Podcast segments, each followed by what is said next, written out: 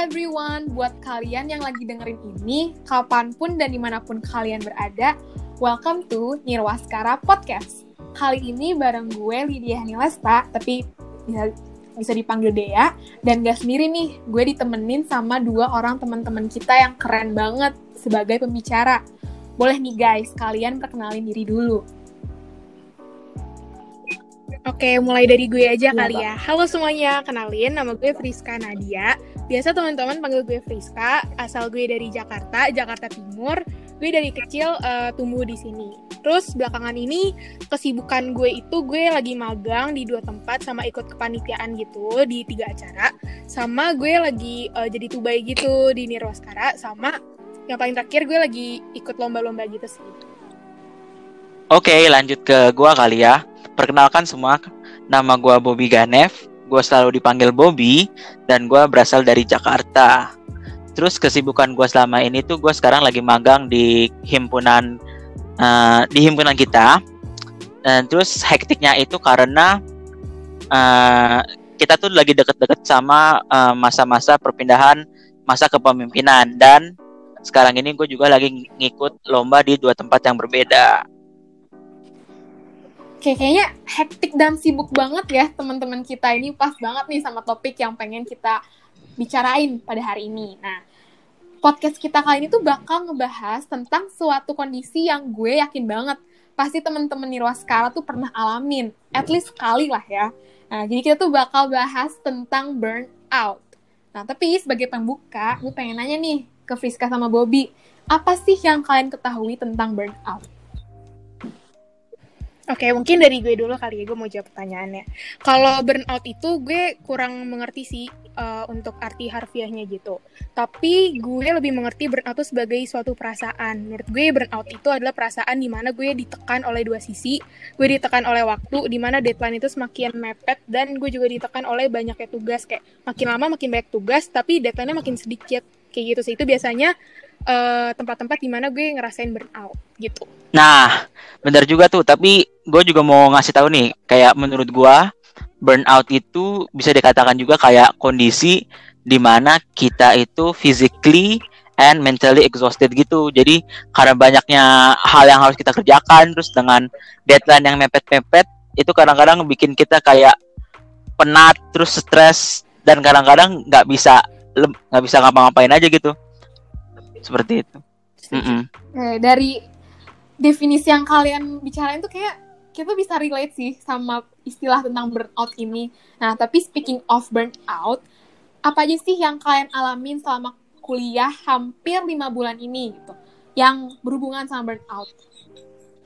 kalau dari gua sih yang kerasa banget dikejar deadline, dikejar deadline baik dari tugas, dikejar deadline mau eh, dari kepanitiaan, dikejar deadline dari eh, himpunan. Terus se- segala hal itu tuh selalu ada tiap minggunya, tidak berhenti 24/7 di mana kita nyari celah untuk napas aja susah Hmm, kayak Sabtu Minggu aja itu kadang-kadang gua ada rapat di jam 10, ada rapat di jam 2, terus minggunya lagi karena gue ikut lomba harus uh, bikin proposal lomba. Jadi susah banget untuk uh, selama lima bulan ini yang namanya jeda beristirahat, menikmati hidup, bernafas. Hmm, Oke. wow. Betul betul. Kalau gue bisa nambahin apa yang gue rasain selama kuliah lebih dari lima bulan sih kayaknya ya.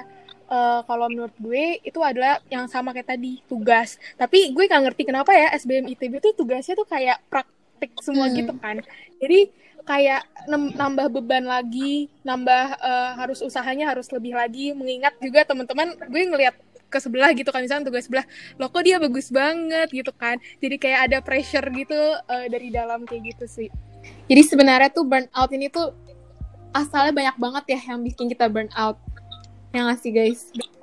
Gak Iya, iya, cuman setuju, dari tugas, bisa juga dari organisasi, dari kepanitiaan. Semua itu kayak plek numpuk jadi bikin kita burnout ya. Iya benar-benar. Nah, tapi kalian udah jelasin tentang burnout. Nah, tapi gue kepo nih. Seberapa sering sih kalian tuh ngalamin burnout yang bisa bikin sampai kurang tidur atau mungkin sampai stres? Oke, gue mau coba jawab. Eh kalau seberapa sering, kalau menurut gue personally, gue tuh pasti ngerasain burnout minimal minimal banget tuh sekali seminggu. Tapi bisa gue Wow. ngerasain burnout tuh kayak hampir tiap hari. Itu tuh eh, kalau menurut gue ya kayak pas minggu-minggu UTS gitu nggak sih? Karena UTS jalan, tugas organisasi jalan, tugas kepanitiaan juga jalan gitu kan. Apalagi kalau misalkan lo ikut lomba. Jadi kayak wah banyak banget nih bebannya. Tapi bagaimanapun caranya lo harus bisa nyelesain itu semua kayak gitu. Nah, bener banget. Tapi kalau menurut gua emang emang kadang eh, ya burnout itu bisa kita rasain almost every day. Tapi mungkin kita nggak sadar kalau burnout yang kita alamin itu punya intensitas yang berbeda.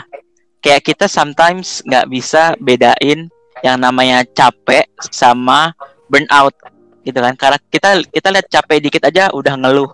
Nah itu tuh nggak bisa kita samain sama burnout. Sedangkan kalau burnout itu kayak bener-bener kondisi di mana kita udah berusaha nih semampu mungkin. Kita udah ngerjain tugas semampu mungkin. Kita udah uh, selalu memberikan effort yang terbaik di kepanitiaan maupun uh, tempat magang himpunan kita tapi karena semuanya datang di saat yang bersamaan nah itu bikin kita overwhelmed jadi Hmm. ya kan jadi burnout itu ada tapi di, di intensitas yang berbeda-beda itu sih kalau menurut Bobby Mm-mm.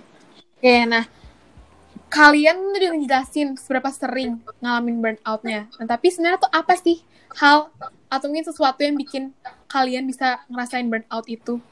fix kalau dari Bobby sih uh, pressure tekanan Hmm. maupun dari dalam diri maupun dari luar kayak ekspektasi ekspektasi orang lain ke kita itu sebenarnya bisa kayak ngasih urge buat kita lebih cepat burnout nggak sih ya kan Iya, setuju kayak sih. kita, kita tuh takut kita nggak bisa memenuhi ekspektasi orang tapi kita tuh tahu kalau uh, aduh kayaknya untuk mengejar, mengejar ekspektasi mereka itu kita harus mengeluarkan effort yang lebih dan kit- di titik sekarang aja kita udah capek nah itu burnout banget sih fix fix buat burnout Mungkin eh, kalau gue gue agak sedikit beda sih sama Bobby. Kalau Bobby itu dari luar kan. Kalau gue tuh malah dari ekspektasi dalam diri gue gitu.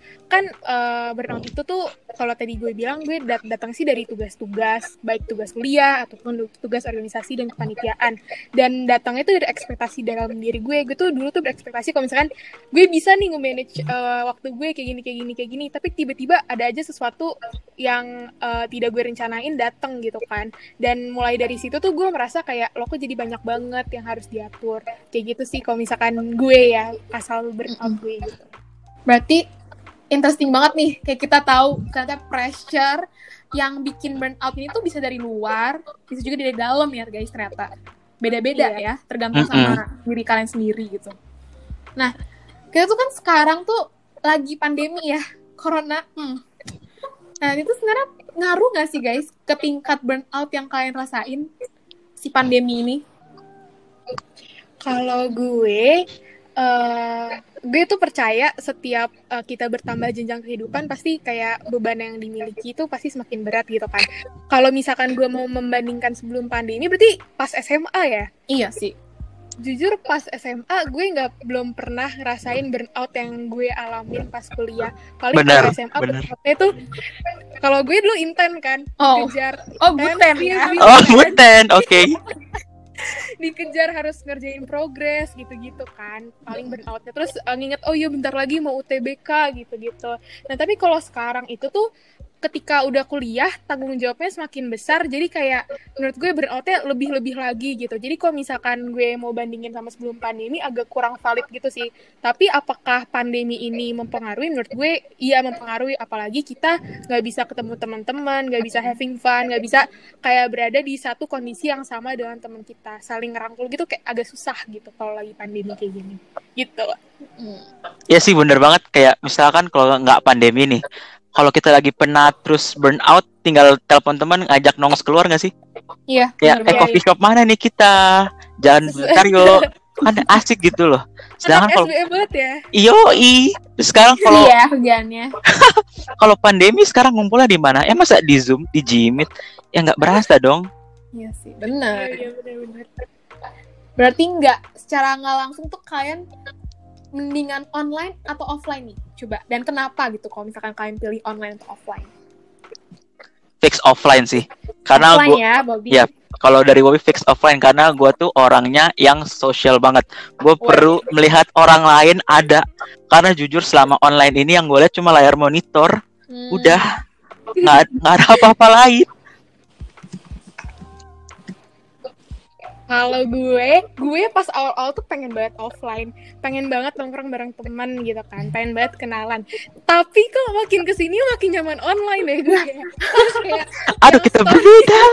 Aku malah tidak sanggup lagi. Pas story yang waktu itu disuruh uh, anak-anak Nirwaskara share di Instagram, gue milihnya gue udah nyaman online gitu. Gue nggak ngerti Hmm. kenapa, mungkin karena online itu tuh semuanya tuh uh, di dalam kontrol gue gitu kan. Kalau misalkan offline bisa aja gue habis kuliah gitu, terus kayak gue niatnya pengen pengen ngapain ya di sini, pengen ngerjain tugas gitu kan. Terus itu ada teman, eh main yuk, yuk gitu kan. Terus jadi kayak buyar gitu semua plan-plan gue. Gitu sih. Ya jujur setuju gue prefer Rizka ya kalau gue sendiri. Ya kan? Dan ini gak sih guys makin jompo Iya, ya, jompo. kalau offline Iya sekarang. bener bener bener. ya gak sih? Capek gitu loh.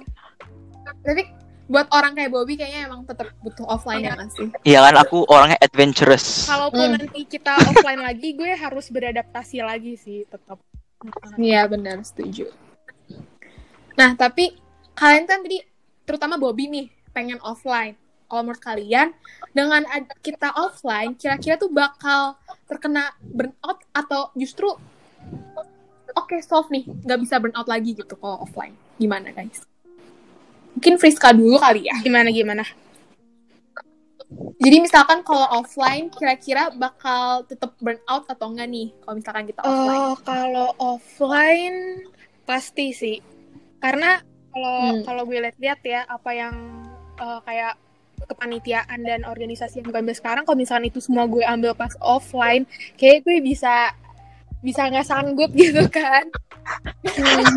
Banyak banget gitu kan. At the same time eh, ini yang gue selalu lihat sih ya namanya anak tahun pertama gitu ya. Kayak kita pengen nyobain ini nyobain itu nyobain eh, organisasi ini konten itu. Menurut gue itu wajar banget gitu kan. Tapi kalau misalkan pas offline pasti tetap ngalamin burnout. Tapi apa yang gue dapatkan kayak pengalaman organisasi dan kepanitiaan tuh nggak sebanyak yang pas online kayak gitu. Oh gitu. Hmm. Kenapa tuh? karena kalau pas online kan kayak gue gue tuh bisa nyobain banyak hal menurut gue ya pas tahun pertama itu adalah kesempatan Hmm. gue untuk mengetahui gue tuh sukanya di mana sih gue itu eh, nanti Iya. eh, kan kalau misalkan kita bekerja di suatu panitiaan nanti kita kayak lama-lama ngerasain eh gue suka nih kerja di bidang finance gitu kan eh gue suka nih ngeplan something gue suka ngeplan event gitu-gitu kan berarti menurut gue adalah kesempatan di mana untuk eh, mengetahui diri kita lebih lagi jadi kalau misalkan online gini gue tuh diberikan banyak kesempatan untuk nyobain banyak hal kayak gitu. Menarik sih, benar-benar. Iya sih. Terus kalau misalkan ditanya eh, kalau offline bakal terkena burnout apa enggak? Sudah sudah pasti jawabannya iya, tapi menurut gua burnoutnya itu burnout yang worth it gitu loh. Hmm. Karena karena kita misalkan kita kepanitiaan ataupun eh, magangnya secara offline, berarti kan kita literally ada berada di sana dan apa apa worknya itu tuh work di lapangan kerja di lapangan Ya betul. jadi pengalamannya itu bakal beda banget sama pengalaman kita yang uh, kepanitiaan ataupun magang yang online seperti sama ini. experience-nya tuh nambah gitu nggak sih kalau offline? Kayak Ya, ya, ya. Pahit, susah, seneng bareng-bareng Hmm. itu sama temen Iya sama teman-teman rame gitu loh. Benar. Kayak presence dari temen tuh ngaruh gitu ya. Yes, buat yes, iya itu bener. burnout yang kita rasain. ah, ah, ah. Bener banget. Terus ini sih gue kepo juga sama kalian. Dalam sehari tuh kalian ngabisin berapa jam sih buat perkuliahan, jam kuliah, belajar, terus tugas. Kira-kira tuh gimana gitu dalam satu hari? Apa jam kuliah, belajar dan tugas.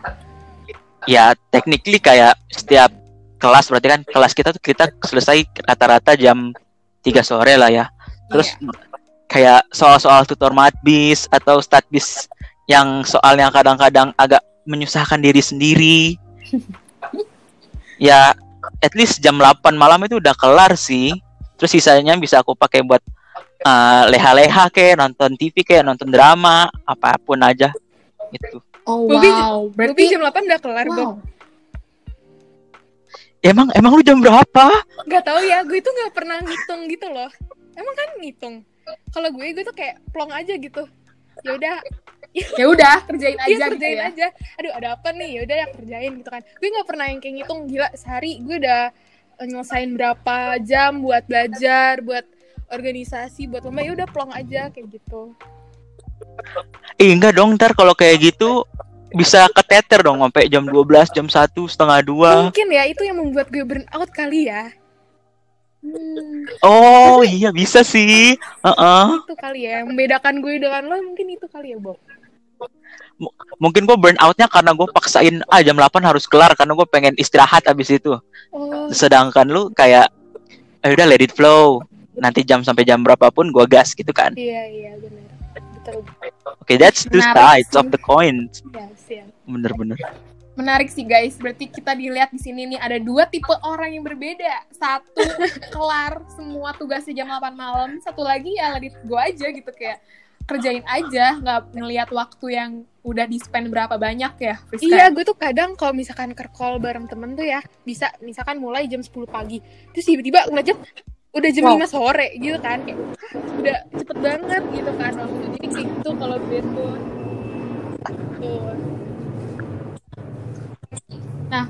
Berarti dua tipe orang berbeda itu pasti juga cara buat nge-solve si burnout ini juga pasti beda juga ya. Nah, buat kalian misalkan istirahat atau ngelakuin hobi atau mungkin main sosmed yang kalian lakuin tuh kira-kira gimana? Terus juga biasanya di jam berapa, guys? Kalau gue, gue sebelum tidur, walaupun itu sebenarnya gue tahu itu tuh Hmm. jelek banget karena harusnya lo langsung tidur lo bisa main main HP itu satu jam dulu. Itu kan buang-buang waktu banget ya. Kok- Tapi kayak ya udah eh, pengen aja gitu main HP sebelum tidur. Menurut gue itu manusiawi sih kayak gitu. Walaupun harus gue ubah kebiasaan itu gitu. Karena karena gini gak sih kayak kita tuh pengen balas dendam gitu loh kayak aku ak- uh, kita udah belajar dari jam segini sampai jam segini. Terus kalau nah, kalau langsung tidur kayak Iya. ah enggak ah, aku pengen senang-senang dulu. Eh, gue pengen senang-senang dulu kan. Iya betul. Sek- Jadi emang emang sebelum tidur emang harusnya main guys. Harus main nonton TV, nonton drama, apa pun aja tuh boleh. Yang penting Oke. apa pun yang buat kalian senang. Kayaknya semua orang juga bisa relate sih karena itu one way buat refreshing gak sih dari seharian udah capek udah hektik ya udah sebelum tidur pengen ngelakuin sesuatu gitu yang bisa bikin kita apa ya relax gitu ya Iya. sih Iya karena besok pagi cycle itu berulang lagi. Mm-mm. Jadi Apalagi kita harus lepas penat. Ini gak sih pas hari Minggu apa gue doang yang ngerasain gue tuh kadang-kadang kalau hari Minggu tuh kayak suka takut gitu sama hari Senin. sama Ya yes, yes sama sama bener bener bener. Aduh besok hari Senin, besok ada matbis tatbis gitu kan. Kayak gitu. atau enggak ini sih guys gue hari Rabu OTW Betul. Kamis tuh gue suka Betul takut banget. Ya ya bener banget bener banget. Kayak kerjain SHS, LMP buat besoknya kan. Wah. Itu kayak aduh besok. Tapi at the same time gue kadang-kadang suka seneng gitu sih kalau udah hari Jumat. Akhirnya melewati hari Kamis gitu kan. Ya dari Jumat tuh Akhirnya hari Jumat tuh menurut gue matkulnya yang paling ya ya udahlah tenang gitu kan jadi kayak gitu gue suka banget kalau misalkan abis selesai uh, hari Kamis dan uh, pokoknya selesai matkul-matkul yang susah lah gitu Oke, terus gue pengen tanya nih tips dari kalian. Misalkan nih ya, tadi tugas dicicil lebih awal biar lebih cepat juga selesainya, biar bisa tidur lebih awal juga tuh kira-kira bakal bikin burnout-nya berkurang gak guys? bisa dong itu kan. That's what I do. That's what I did. Oh, wow. Sorry. Wow. Ya kan? Kayak buru-buru selesaiin supaya nanti eh, malam tinggal main. Biar biar melepas Ah. apa break the chain of stress hidup kuliah di SBM itu. Karena Berarti lu tipe orangnya yang ini ya, ngerjain semuanya langsung gitu, begitu Yes. dikasih. yes. Eh enggak enggak, enggak yes juga sih. karena aku eh, karena gue suka procrastinate. Ah bisa nggak ya besok? Oh masih bisa. Oke main dulu. Apa bisa nggak ya besok? Oke nonton ini dulu. Hmm. gue setuju sih nyicil apa nyicil tugas tuh benar-benar ngebantu tapi menurut gue nyicil tugas itu nggak ngebantu ketika lo tuh ngambil uh, pekerjaan yang lebih dari kapasitas lo kayak contohnya kayak gini lo tuh ngambil banyak banget uh, organisasi, panitiaan, lomba semuanya lo ambil gitu kan. Tapi at the same time lo nggak bisa ngukur diri lo. Jadi ya sama aja. Lo tuh pasti hari-hari lo tuh penuh lagi, tugas lo banyak lagi. Wah, uh, sebagus apa pun manajemen time lo pasti banyak lagi yang harus dikerjain kayak gitu sih. Berarti kayak ada saran gak sih dari kalian gitu gimana? Mungkin dari yang kalian udah pernah alamin aja. Kalau saran, jujur gue siapa sih gitu kan ngasih saran. Tapi kalau gue, gue itu suka ini sih to do list gitu. Kayak gue hari ini ngapain apa aja ya. Kayak gue mikir malamnya sebelumnya apa aja sih uh, prioritas gue. Apa aja sih yang deadline-nya uh, deket-deket. Jadi itu jadi prioritas gue. Kalau gue sih kayak gitu. Kalau Bobby gimana nih? Kalau dari gue sih know know yourself first dulu sih. Kayak kalau misalkan gua gua tahu gua uh, susah di statbis dan matbis. Berarti gua taruh proporsi gua itu untuk menghabiskan waktu belajar statbis dan matbis lebih banyak daripada yang lain. Jadi nggak uh, apa namanya semuanya itu terporsi dengan baik. Jadi effort yang gue keluarkan itu nggak ada yang miss or kebuang gitu loh. Jadi lebih enak aja menjalanin hari-hari sebagai mahasiswa Hmm. SBM ITB. Oh wow. Sebagai mahasiswa SBM ya, ditekerin banget. Iya dong. Harus itu. Nah, berarti sebenarnya burnout tuh nggak bisa dihin, maksudnya pasti bakal terjadi ya ke siapa pun dan bisa juga kapan pun. Tapi kayaknya dari tips da- kalian tuh bisa ngebantu gitu ya kita buat ngatasin burnout ini. Oh, siapa orang beda sih. Tapi kalau gue ya lumayan lah ya ngebantu. Iya. oke. Nah, mungkin gue mau nanya lagi nih, misalkan ya guys, jadwal libur nih ditambah karena kita tahu lah ya Yes, yes, aku senang. kurang mendapatkan jadwal libur nih ya sebagai mahasiswa SDM ITB kayak yang ditekanin Bobby tadi. Iya. Kira-kira kalau jadwal libur ditambah tuh bakal ngurangin burnout gak? Jujur, guys. Mungkin dari Friska dulu. lah. Kalau gue, eh, iya sih. Jujur aja nih, gue tuh agak takut gitu nih ngadepin semester pendek gitu kan. Nanti orang-orang pada liburan, gue belajar gitu kan. Kapan nih gue Hmm, iya tapi kalau misalkan dipikir-pikir, mungkin bisa ngebantu gue eh, burnout, tapi liburnya itu disebarin secara rata gitu. Jadi misalkan tiap hari Jumat libur gitu kan. Kan kayak gitu ngebantu Hmm. banget gitu. Tapi nggak mungkin kan. Mungkin eh, bisa ngebantu tapi tidak sesignifikan itu balik lagi ke diri kita sendiri manajemen waktu gitu Terus ke- eh, selama apa setelah selama ini gue jadi mahasiswa SBM ITB nih kan harus ditekankan kayak dapat liburan itu sesuatu hal yang precious banget gak sih? iya betul mm-mm. Bay- eh, kalaupun kita ditambah nih misalkan hari libur, nanti kita udah nggak serasa mahasiswa SBM lagi karena nggak kios itu bukan kita. Waduh. wow. jadi chaos itu jati diri kita gitu ya Bob yes, that's that's true, that's true. Definisi chaos itu kita. Dah titik. Strip Bob 2021. Oke, Babi, mantap lah. Nah, tapi nih, kalian tuh sebenarnya kalau liburan ya guys, tipe yang pakai buat ngelakuin hal-hal produktif atau justru ya udah, no, ini time gue buat istirahat gitu buat kalian. Fix time buat istirahat. Hmm, iya. karena yang produktif itu udah udah udah udahlah itu urusan untuk besok kayak untuk apa kayak pokoknya right now is my me time udah titik. Nih gue kalau mau cerita dikit gue nggak ngerti ya kenapa gue semester satu tuh ambis banget. Jadi pas semester satu gue, gue pengen pas gue liburan akhir tahun gue tuh belajar di Coursera gila nggak sih? Oh, tapi tapi. Wow oke Tapi- oke. tapi nggak gue lakuin karena gue capek. Gue mau istirahat. Iya Jadi sih. kayak, Heeh. Eh, menurut gue seambis-ambisnya lo tetap aja sih. Kita butuh waktu buat istirahat kayak gitu. Nah, setuju.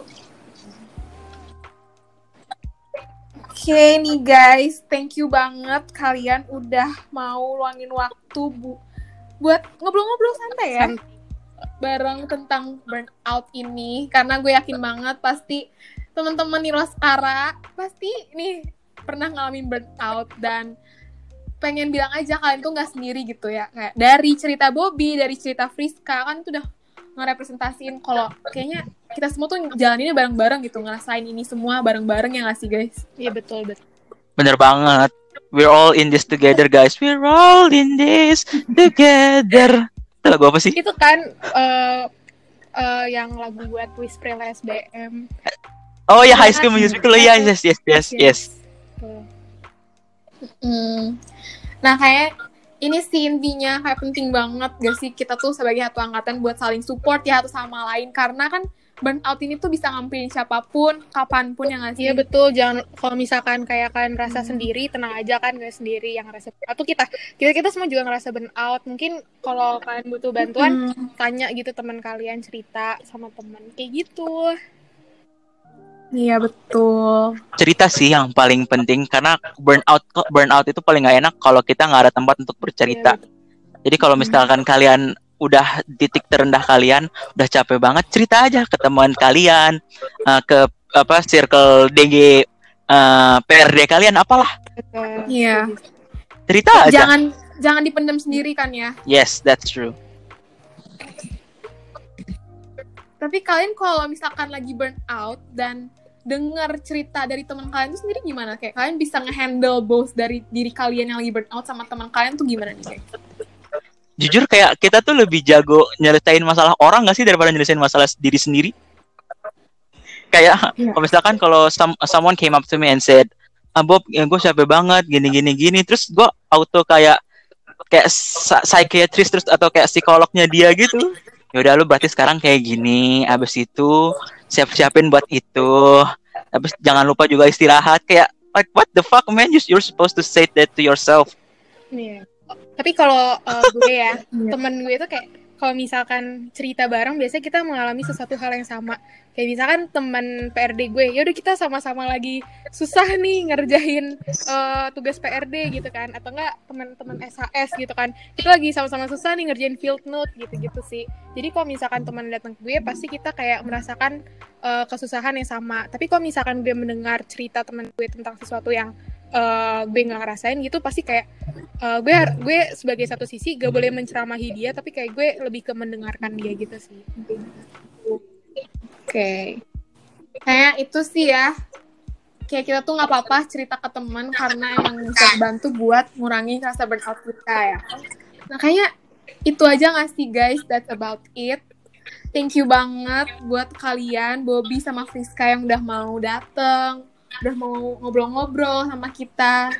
Thank you juga buat kalian yang udah mau dengerin obrolan kita yang ya segini-gini aja ya tapi kita tuh pengen nyampein kalau you're not alone Oh. gitu guys kalau lagi burn out ya kalau misalnya lagi burn out nggak apa-apa dengerin obrolan Iya, kita betul, ini betul. ya nggak sih?